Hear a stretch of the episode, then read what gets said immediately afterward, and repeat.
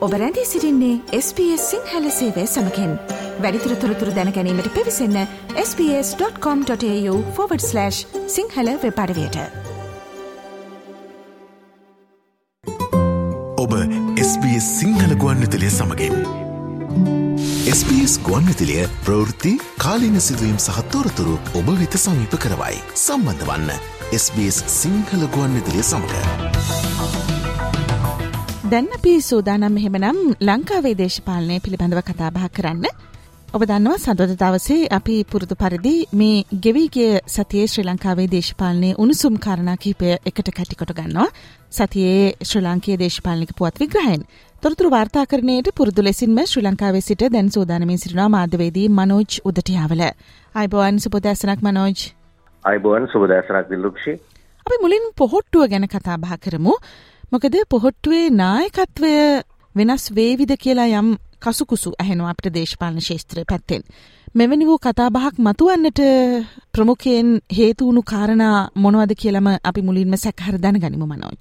ඔව් ගෙවුණු සතියේ අපිට ආරංචි වුණා මහින්ද රාජපක්ෂ හිටපු ජනාධිපතිවරයා අසනීප තත්වයකින් ඉන්නවා රෝහල්ගත කරලා තියෙනවා කියලා මේ පිළිබඳව මාධ්‍යත් තොරතුරු අරගෙන ආවා කොමුණත් එදා දවසේ පාමංකඩ සීමා විහාරයේ එතුමාව දැක ගන්න පුළුවන්කම හම්බුණා ඇමරිකාවේ ප්‍රධාන සංඝනායක වල්පල පියනන්ද ස්වාමින් වහන්සේගේ ආරාධනාවකට අනුව විහාරස්ථානයට ගිහිල්ලා තිබුණා.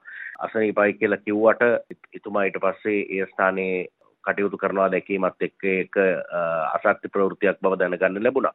ඔය අතරේ තමයි පහුගිය බ්‍රහස්පතින්දා මීරිගම පිරිවෙන් විහාරස්ථානයකට මහින්ද රාජපක්ෂ හිටපු ජනාධිපතිවරයා සහභාගී වෙන්නේ. ඒ ගිහිල්ලා එතන හිටපු ස්වාමින් වහන්සේ සමග සාකච්ඡා කරද්දී හිටපු ජනාධිපතිවරයා සඳහන් කරලා තියෙනවා පොහොට්ටුවේ නායකත්වයේ යම් වෙනස්කමක් සිද්ධ ඕනේ වෙනස්කමක් සිද්ධ වෙන්න ඕනේ. හැමදාම එකම කෙනාට ඉන්න බෑනේ කියන අදහසක් එතුමා සඳහන් කරලා තියෙනවා. කොහොමුණත් සාකච්ඡා වෙලා තියෙනවා කාටද මේ නායකත්වය ලබා දෙන්නේ කියලා.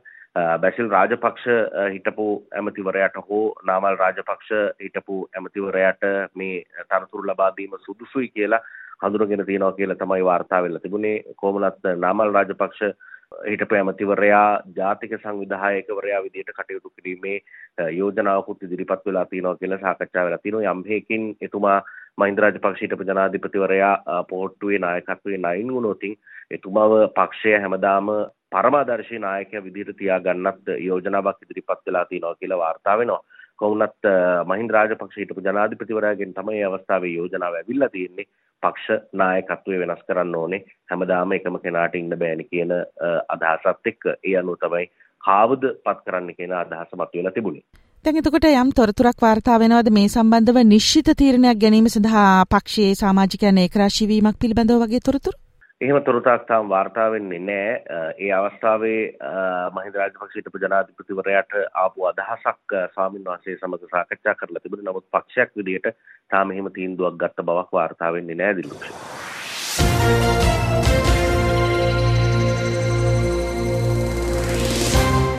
අපි මීළඟට අවධානයට ලක් කරමු ශ්‍රී ලංකා නිදහස් පක්ෂය පිළිබඳව. ශ්‍රී ලංකා නිදහස් පක්ෂයේ මධ්‍යම කාරක සභා රැස්වන අවස්ථා කීපයකදීම අපි එහිදී සාකච්ඡාවට බඳුනුණු කරුණු පිළිබඳව පසුගිය සති කිහිපය තුළදීම සාකච්ඡා කළා. විශේෂයෙන්ම දයසිරි ජයසේකර පක්ෂ මහලේකම් තනතුරෙන් ඉවත් කිරීමෙන් අනතුරු අපි දිගින් දිගටම ශ්‍රී ලංකා නිදහස් පක්ෂය ඇතුළත අභ්‍යන්තරික දේශපාලනික වාතාවරණය පිළිබඳව කතා බහ කරමින් ඉන්නේ. දැන් අද තවත් ඒ වගේ දවසක් ශ්‍රී ලංකා නිදහස් පක්ෂයේ පක්ෂ සංවිධායකවරු හමු වෙලා තිබෙන පසුගිය සතියේ. ඒ වගේම මනෝජ් මට මතකයි ඔබ සඳහන් කිරීමක් කළා පසුගිය සතියේ අපගේ දෛනික ශ්‍රී ලංකාවේ පුවත් විග්‍රහය මෞබිමින් පුවත් විශේෂාංගයට ඔබ එකතු කළා ශ්‍රී ලංකා නිදහස් පක්ෂය සැමරුවා කියලා SWRD බණ්ඩාරනායක ගුණ සමරුව. ඊට පස්සේ තමයි මේ පක්ෂ සංවිධායකවරු හමු වෙලා තිබුණේ. එතනදී මොනවද වෙලා තිබුණේ පක්ෂ අභ්‍යන්තර දේශපාලන තත්ත්වය පිළිබඳව සිදුවුණු සාකච්ඡා පිළිබඳව කල්පනා කරද්දී? ඔව් මේ හමුණු අවස්ථාවේ පක්ෂ සංවිධායකවරු හම්බ වෙලා කතා කරද්දී ශ්‍රී ලංකා නිදහස් පක්ෂය හිටපු ජනාධිපතිවරයා කියලා තිනවා මේ කතා කරමින් ඉන්න අතරේ මම හොඳ වැඩ වගේම මෝඩ වැඩක් කරලා තියෙනවා මං කරපු ලොකුම මෝඩ වැඩේ තමයි ඩිලාන් පෙරේරා මන්ත්‍රීතුමාට ජාතික ලැයිස්තු මන්ත්‍රී ධූරයක් දීලා තාත්තට ඌව පළාතේ ආණ්ඩුකාර තනතුර දීපු එක කියලා. ඊට පස්සේ මේ කතාව ආගෙන හිටපු පක්ෂයේ ජ්‍යෙෂ්ඨ උපසභාපතිවරයෙක් වුණු මහාචාර්ය රෝහණ ලක්ෂ්මන් ප්‍රියදාස මහත්මයා කියලා තියෙනවා. ජනාධිපතිතුමා කිව්වා මෝඩ වැඩ කරා කියලා. මම කියනවා මෝඩ වැඩ වගේම වැරදි වැඩක් කරලා තියෙනවා කියලා. ජාතික ලැයිස්තු මන්ත්‍රීදුර පත් කරද්දී එක වැරද්දක් කළා කියලා ඔහු මතු කරලා තියෙනවා. ඒකට එක කාරණයක් තමයි මහාචාර්ය රෝහණ ලක්ෂ්මන් ප්‍රියදාස මහත්මයාව තමයි එක්තරා අවස්ථාවක ජාතික ලැයිස්තු මන්ත්‍රී දුරයෙන් පත් කරන්න සූදානමක් තිබුණේ. නමුත් ඒ අවස්ථාවේ සුරේන් රාගවන් මන්ත්‍රීවරයාව පාර්ලිමේන්තුවට යෝජනා වුණා ජාතික ලැයිස්තුවෙන්. නමුත් දැන් ඔහු ශ්‍රී ලංකා නිදහස් පක්ෂේ නැහැ. එතනින් ඉවත් වෙලා දැන් ආණ්ඩුවේ රාජ්‍ය මාත්‍ය දුරයක් ලබාගෙන කටයුතු කරනවා. ඒ අවස්ථාව පිළිබඳව තමයි රෝණ ලක්ෂ්මන් ප්‍රියදාස මහාචාර්යවරයා කරුණු සඳහන් කරලා මතක් කරලා තියෙන්නේ.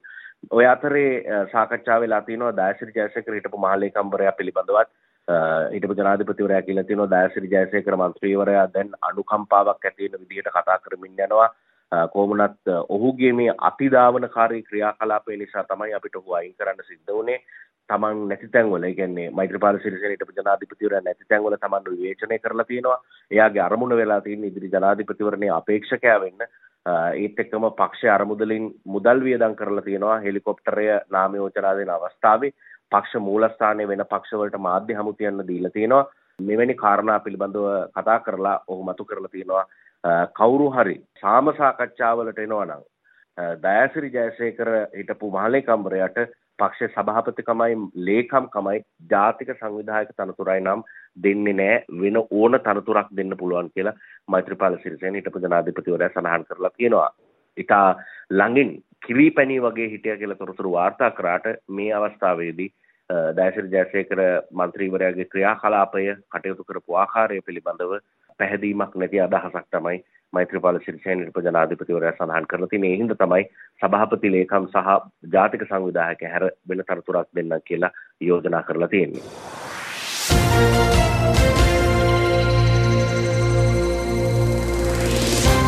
ශ්‍රී ලංකාවේ පසුගිය සති දෙක පුරාම විශේෂයෙන් සාකච්ඡාවට සහ අවධානයට ලක් වුණා සංශෝධන සහිතව රගෙනාපු ත්‍රස්තවාදය වැලැක්වීමේ පනත දැන් ත්‍රස්ත විරෝධී පනත කියලා හඳුන්වන්නේ. ඒ වගේම අලුතෙන්ම හඳුන්වා දෙන්නට යන සමාජමාධ්‍ය නියාමන පනත.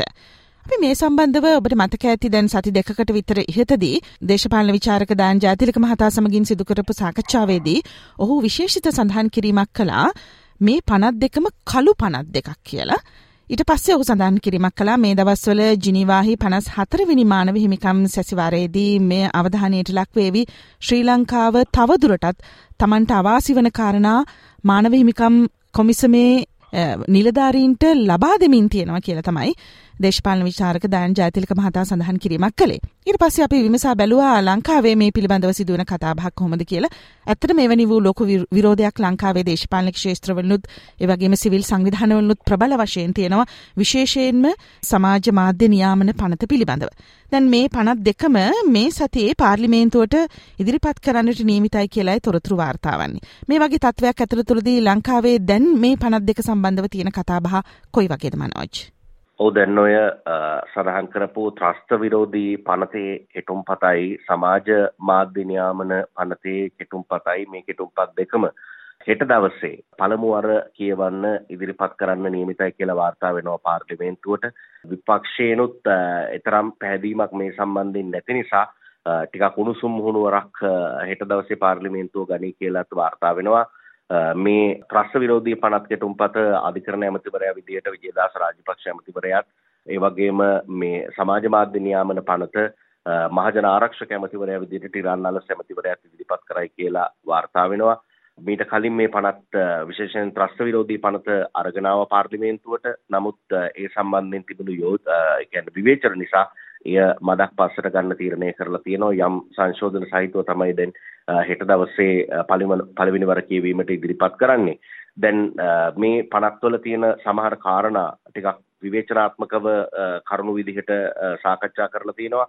ත්‍රස්ත විරෝධී පනතේ තියෙනවා යම් වරදක් කරන කෙනෙක් අනුබල දෙන කෙනෙක් හෝ කුමන්ත්‍රණ කරන ලබන කෙනෙක් මහාධිකරණයේ වරද කරු කරෝතින් ඔහුට අවුරුදු 15ක් වෙනකම් යම් ආකාරයකින් එවැනි කාල සීමාවක් බන්ධනාගාරගත කරන්න හරි රුපියල් ලක්ෂ 10ක දඩයකට යටත් කරන්න හරි මේ දෙකම ලබා දෙන්න පුළුවන් කමක් තියෙනවා කියලා වාර්තා වෙනවා. ඒත් එක්කම තොරතුරු තාක්ෂණය නීතිය පාලනය සමාජ සේවා පුවත්පත් කලාව විද්‍යාව තාක්ෂණය කළමනාකරණය මේ වගේ එක් එක් ක්ෂේත්‍රවල මේවා සම්බන්ධයෙන් සුදුසුකම් සහ පළපුරුද්ද තියෙන ජනාධිපතිවරයා පත් කරන සාමාජිකයන් පස් දෙනෙක් මේ සමාජ මාධ්‍ය පනතට ඉදිරිපත් කරන්න ඒ කියන්නේ තනතුරු හැටියට පුද්ගලයෝ හැටියට යෝජනා කරන්න ඉඩ තියෙනවා. එතකොට ඒක ජනාධිපතිවරයා නම් කරන පුද්ගලයන් බවට පත්වෙන නිසා ඒ සම්බන්ධයෙන් යම් පක්ෂපාතී බවක් තියෙයි කියලා එක පැත්තකින් චෝදනාවක් තියෙනවා. ඒත් එක්කම අසත්‍ය ප්‍රචාර නිසා යම් විදිහට කැරලි ගැසීමක් නිකරුණේ ප්‍රකෝප කරවීමක් සම්බන්ධයෙන් වරදකාරයෙක් වෙන පුද්ගලයාට අවුරුදු පහක් නොයික්ම වන කාලයක් බන්ධනාගාරගත කිරීමක් හෝ දඩයකට නියම කරන්න පුළුවන්කම තියෙනවා. එහෙම නැත්නම් මේ දෙකම දඬුවම් විදිහට ලබා දෙන්න පුළුවන්කම තියෙනවා. මෙවැනි තත්ත්වයන් සමාජයේ මෙවැනි කාලයක යහපත් ක්‍රියාවන් නෙවෙයි කියන කාරණය විපක්ෂය සහ මීට විරුද්ධ වන කණ්ඩායම් අදහස් හැටියට පළ කරලා තියෙනවා. ඉතින් කොහොමුණත් දැන් හෙට පාර්ලිමේන්තුවට දැම්මට පස්සේ ඉදිරියේ මේ පිළිබඳ විවාදය පැවැත්වෙන වෙලාවේ යම් විදිහකට සංශෝධන ගේන්න යෝජනා ගේන්න ප්‍රතිපක්ෂවලට ඉඩක් තියෙනවා කියන කාරණේ තමයි ආණ්ඩුව සඳහන් කරන්නේ. අපි බලමු හෙට මේක පාර්ලිමේන්තුවට දැම්මට පස්සේ ඉතින් එහාට තත්ත්වෙ කෙබඳු වේවිද කියලා. ඕමනෝජ මං අර කලින් සඳහන් කරපු ආකාරයට අපි මේ දවස්වල ජිනිවාහි පැවැත්වෙන 54 වෙනි මානව හිමිකම් සැසිවාරයේදී ශ්‍රී ලංකාවට එල්ලවන්නට පුළුවන් අභියෝග පිළිබඳව යම් සාකච්ඡාවක් අරගෙන ආවා.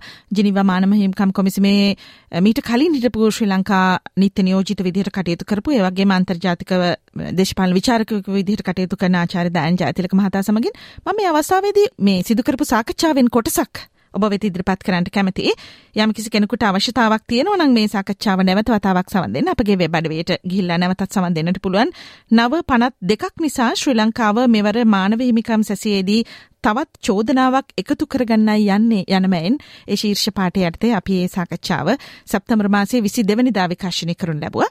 ඉතින් මේ 52 පිළිබඳව සහ ජිනීවා මානව හිමිකම් කොමිසමේදී ඒට යම් තර්ජනයක් එල්ල විය හැකි බවට දයන් ජයතිලක මහතා ඒ සාකච්ඡාවේදී සඳහන් කළේ මෙන්න මේ ආකාරයට. ඇත්ත වශයෙන්ම ඉතාම පුදුමාකාර දෙයක් වුණා පහුගිය දවස් දෙකේදී සාමාන්‍යයෙන් ජනීවා මානහිමිකම් කොමිසමේ සතිවාරය තියෙනකොට ආණ්ඩුවලින් යම්කිසි බුරුලක් දක්වන යම්කිසි දෙයක් කරන්න යනවා නම් ඒක ආපස්සට තල්ලු කරලා ඉන්න මේ සතිවාරය ඉවර වෙනකන් නමුත් ඊයේ පෙරේදා අත්වසම ඊයේ සහ පෙරේදා සිද්ධ වෙච්ච දේවල් දෙකක් තියෙනවා. ඒක අනිවාර්යයෙන්ම රැව් පිළිරැව් දෙනවා ඇති ජනීවා මානවිකම් කවුන්සිලේ සහ මේ ඒ ක්‍රියාවලිය. ඒ මොකද්ද? එකක් ඇවිල්ලා ත්‍රස්ත විරෝධී නැත්නම් ප්‍රතිත්‍රස්ත පනත කියලා කෙටුම්පතක් තියෙනවා. ඒක ඉතාමත්ම දරුණු පනතක්. යුද්ධ කාලේ තිබුණු Prevention of Terrorism Act PTA එකටත් වඩා දරුණුයි. ත්‍රස්තවාදය කියලා අපි සාමාන්‍යයෙන් කියන්නේ යම්කිසි ප්‍රචණ්ඩ රාජ්‍ය විරෝධී නැත්නම් සිවිල් පුරවැසියන් විරුද්ධ ක්‍රියාවක් නේ දැනුවත්ව කරන ප්‍රචණ්ඩතාවයක් ටෙරරිසම්. නමුත් මෙතනදී ඕනෑම දෙයක් ඇත්ත වශයෙන්ම ආණ්ඩු විරෝධී ඉතාම පුළුල් විදියට දල එළන නිර්වචනය එළන පනතක් වෙනවා මේ බිල් එක. ඉතින් ඒක අනිවාර්යයෙන්ම ජනීවවල මතුවෙනවා. හේතුව අත් වශයෙන්ම හැමතැනම ජාත්‍යන්තර වශයෙන් මතය තියෙන්නේ ත්‍රස්තවාදී කියන එක අපි උඟ පටු කරන්න ඕන. ඒක සුවිශේෂ දෙයක්. ඒක එක්සෙප්ෂනල්. ඒක ඒ වගේ දරුණු නීති they have to be exceptions ඒවා වියතිරේක වෙන්න ඕන. නමුත් මෙතන ඊටාම පුළුල් විදියට ඊටාම සාමකාමී ක්‍රියා පවා ප්‍රතිතරස්වාදී බිල දැනට බිලක් එක ඩ්‍රාෆ්ට් බිල් එකක් ඇතුළට ගෙනල්ලා තියෙනවා. ඒක සිද්ධ වෙච්ච දෙයක්. ඊයේ වෙනකොට ඔන්ලයින් සිකියුරිටි කියලා තව බිල් එකක් කැබිනට්ටුව අනුමත කරලා තියෙනවා. ඒ ඔන්ලයින් සිකියුරිටි කියන්නේ මේ සමාජ මාධ්‍ය සම්බන්ධයෙන්. දැන් එතනත් හරි පුදුමයි මම ඒක දැන් කියවලා බැලුවා.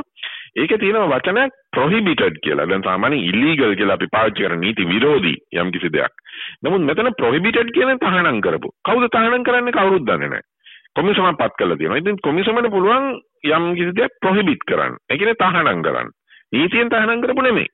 ඉතින් එහෙම තහනම් කරපු දෙයක් කියමු යම් කිසි ප්‍රකාශනයක් කරයි කියලා වෘත්තීය සමිතිය අරගල සම්බන්ධයෙන් කවුරු හරි ඒක ප්‍රචලිත කරොත් ඒ පුද්ගලයාට සමාජ මාධ්‍යයට විරුද්ධව නීතිමය පියවරක් ගන්න පුළුවන්. අතවසම තව තැනක තියෙනවා මේ ස්ටේට්මන්ට් ඔෆ් ෆැක්ට්ස්. ඒ කියන්නේ කරුණු සහිත දෙයක් වුණත් ඒක තහනම් නම් ඒක කොච්චර කරුණක් වුණත් ඒක ප්‍රකාශයට පත් කරොත් සමාජ මාධ්‍ය හරහා ඔන්න අවුරුදු පහක් නැත්නම් සෑහෙන කාලයක් හිර ගැසී ඉන්න පුළුවන්. ඉතින් මේ වගේ ඉතාම දරුණු යුද්ධ කාලෙත් නොතිබුණු පණ දෙකක් ලහිලයියේ ඉදිරිපත් කළා තියෙනවා. ඉතාම කළු පනත් දෙකක් මේ දෙක සාකච්ඡාවට ලක්වේ යුතුමයි. SBS ගුවන්විතිලිය ප්‍රවෘත්ති කාලීන සිදුවීම් සහත්තෝරතුරු ඔබ වෙත සමීප කරවයි. සම්බන්ධ වන්න SBS සිංහල ගුවන්විතිලිය සමඟ. ශ්‍රී ලංකයේ දේශපාලනයේ යම් විශේෂිත සිදුවීමක් හා සම්බන්ධ වන ප්‍රවෘතියක් කෙරෙහි තමයි අපේ දැන් අවධානය යමු වන්නේ. සාමාන්‍යයෙන් ඉතාමත්ම දුර්ලභ අවස්ථාවක් ශ්‍රී ලංකාවේ හිටපු ජනාධිපතිවරුන් ජනාධිපතිවරියන් මේ හැමදිනාම එකම අවස්ථාවකති දකින්නට ලැබීම. මේක සිද්ධ වනාගේ සතියේ. ඒ අවස්ථාව පිළිබඳවත් ඒ අවස්ථාවේදී සිදුවන විශේෂතා පිළිබඳවත් අපි අවධානයට ලක් කරන්න කැමති. මේක සිදුවන්නේ චීන ජනරජ දිනයට සමගාමීව. මනෝජ මොකක්ද මේ සිදුවන විශේෂත්වය? ඔව් අපි දැක්කා දේශපාලන නායකයින් නිතා උනන්දුවෙන් මෙවර චීන ජනරාජ දින සැමරුමට එකතු වෙලා ඉන්නවා. කොළඹ ශැංග්‍රීලා හෝටලේ තමයි මේ උත්සවය පැවැත්වුණේ. හිටපු ජනාධිපතිනිය චන්ද්‍රිකා කුමාරතුංග මහත්මිය, එතකොට මහින්ද රාජපක්ෂ හිටපු ජනාධිපතිවරයා, මෛත්‍රීපාල සිරිසේන හිටපු ජනාධිපතිවරයා, ගෝඨාභය රාජපක්ෂ හිටපු ජනාධිපතිවරයා මේ ඔක්කොම ජනරාජ දින උත්සවයට ගිහිල්ලා හිටියා. මෛත්‍රීපාල සිරිසේන, මහින්ද රාජපක්ෂ සහ ගෝඨාභය රාජපක්ෂ කියන ජනාධිපතිවරු තුන්දෙනා එක මේසයක වාඩි වෙලා කතා බහ කරමින් ඉන්නවා අපි දැක්කා. හිටපු ජනාධිපතිනිය ඒ අසල තවත් මේසේක ඉඳගෙන ඉඳලා තියෙනවා ඒ කියන්නේ චීන තානාපතිවරයාගේ බිරිඳ හිටපු මේසේ. ඉතින් එහෙම ඉඳලා වුන් සුහදව කතා බහ කරලා මේ අවස්ථාවට එකතු වෙලා තියෙනවා. විවිධ පක්ෂ නියෝජනය කරන දේශපාලනඥයින් මේ අවස්ථාවට සහභාගී වෙලා තියෙනවා. ඔවුන් හැමෝමත් එක්ක තමයි චීන ජනරාජ දින සැමරුම සිද්ධ වෙලා තිබුණේ. ඔය අතර තමයි චීනයේ අර CNN6 නැව නැවත ලංකාවට පැමිණීම පිළිබඳව අවධානය යොමු වෙලා තිබුණේ. විශේෂයෙන් ඉන්දියාව ඇමරිකාව වගේ රටවල් මේ සම්බන්ධයෙන් යම් විරෝධයකුත් පළ කරලා තිනවා නොවැම්බර් මාසේ 25 වෙනිදායින් පස්සේ ශ්‍රී ලංකාවට CNN6 නැවට එන්න ආරක්ෂක අමාත්‍යාංශය අවසර දීලා තියෙන කියලා වාර්තා වෙනවා. ඒ ජනාධිපතිවරයාගේ චීන සංචාරයෙන් පස්සේ. නමුත් මේ වන විටත් ලංකාවට එන්න බලාගෙන CNN6 නැව පිටත් වෙලා තියෙනවා කියලා යම් තොරතුරු තියෙන බවට වාර්තා වෙනවා. ඒ අනුව අවසර ලබා දුන්නු කාලෙට කලින් ඔවුන් ලංකාවට එන්න සැලසුමක් තියෙනවා කියන කාරණේ තමයි මේ සම්බන්ධයෙන් අදහස් දක්වද්දී වාර්තා වෙන්නේ. කොමුණත් මෙවැනි තත්ත්වයක් ඇති වුණොතින් විදේශ අමාත්‍යංශය හරහා ඊට අදාළ මැදිහත් වීම සිද්ධ කරන්න සූදානම් කියලා තමයි වාර්තා වෙන්නේ. Uh, කොහොමුණත් අපි දැක්කා ඉන්දියාව uh, විරෝධය පළ කරලා තියෙනවා. ඔවුන් ඇවිල්ලා ලංකාවේ මුහුදු සීමාවේ යම් uh, ගවේෂණ සහ පර්යේෂණ කරනවාට ශ්‍රී ලංකා රජයේ පැත්තෙනොත් යම් කොන්දේසි ඉදිරිපත් කරලා තියෙනවා කියලා වාර්තා වෙනවා. එකඟ වෙන කාරණා මත පමණක් පදනම්ව මේ ගවේෂණ කටයුතු පර්යේෂණ කටයුතු සිද්ධ කරන්න කියලා. ඉතින් ඉදිරියේ ශ්‍රී ලංකාවට පැමිණෙන දිනය සම්බන්ධයෙන් අපිට දැනගන්න පුළුවන් කමක් ලැබේවි. හැබැයි නොවැම්බර් 25ට පස්සේ එන්න අවසර දුන්නාට ඊට පෙර ලංකාවට මේ නැව එන්න සූදානමක් තියෙනවා කියලා චීන ජනරාජ දිනය සමරන කාලය ඇතුලේ එහෙම ප්‍රවෘත්ති වූත් වාර්තා වෙනවා.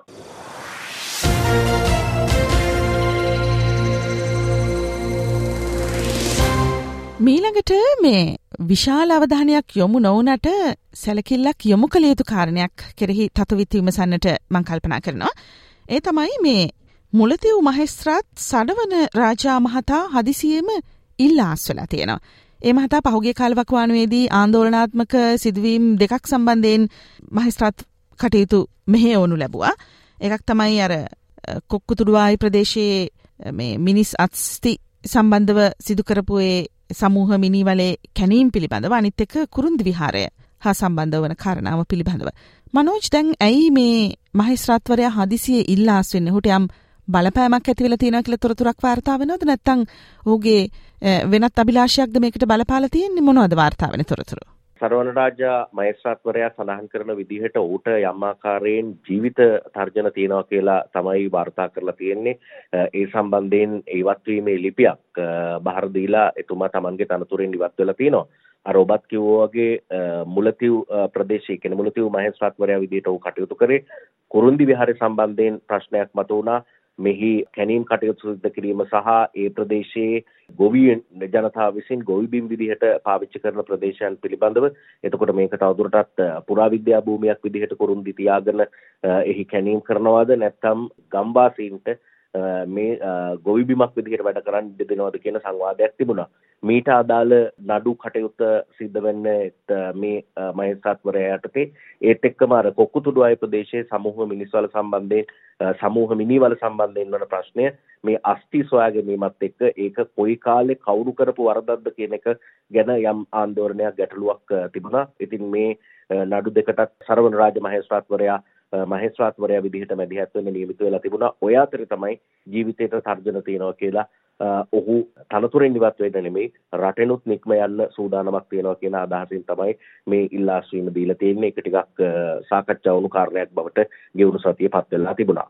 ඔහුට අර ජීවිත ආරක්ෂාව සම්බන්ධයෙන් ප්‍රශ්නයක් එල්ල වෙලා තියෙනවා කියලා ඔබ කිව්වනේ. එතකොට ඔහුට යම් බලපෑම් සිදු කරලා තියෙන පාර්ශව ගැන ආරංචියක් තියෙනවද?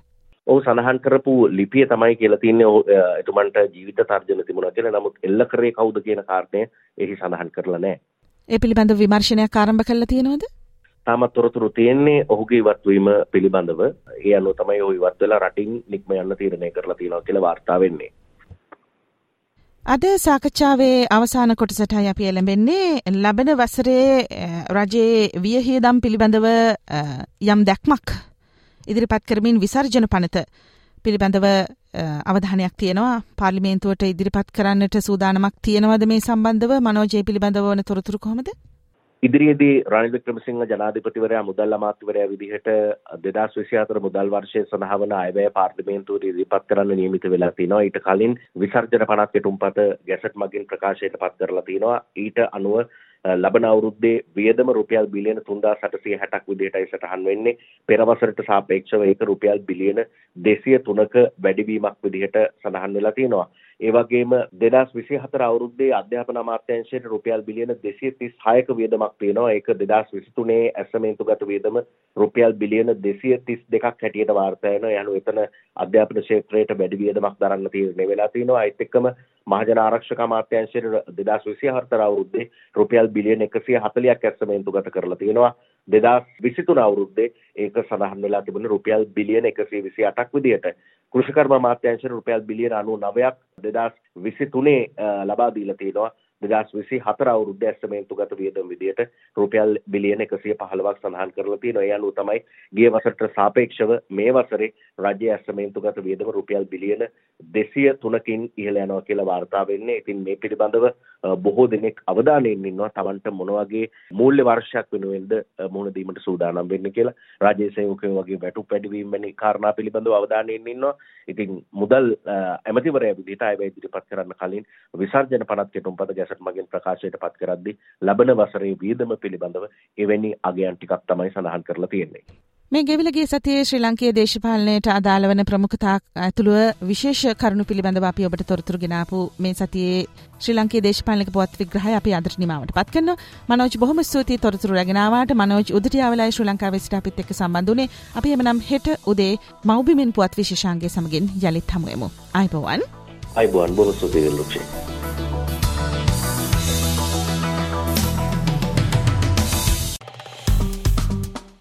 ලයි කරන්න ෂයා කරන්න අදහස් ප්‍රකාශ කරන්න SBS සිංහල ෆස්බුක් පිටුව ෆලෝ කරන්න.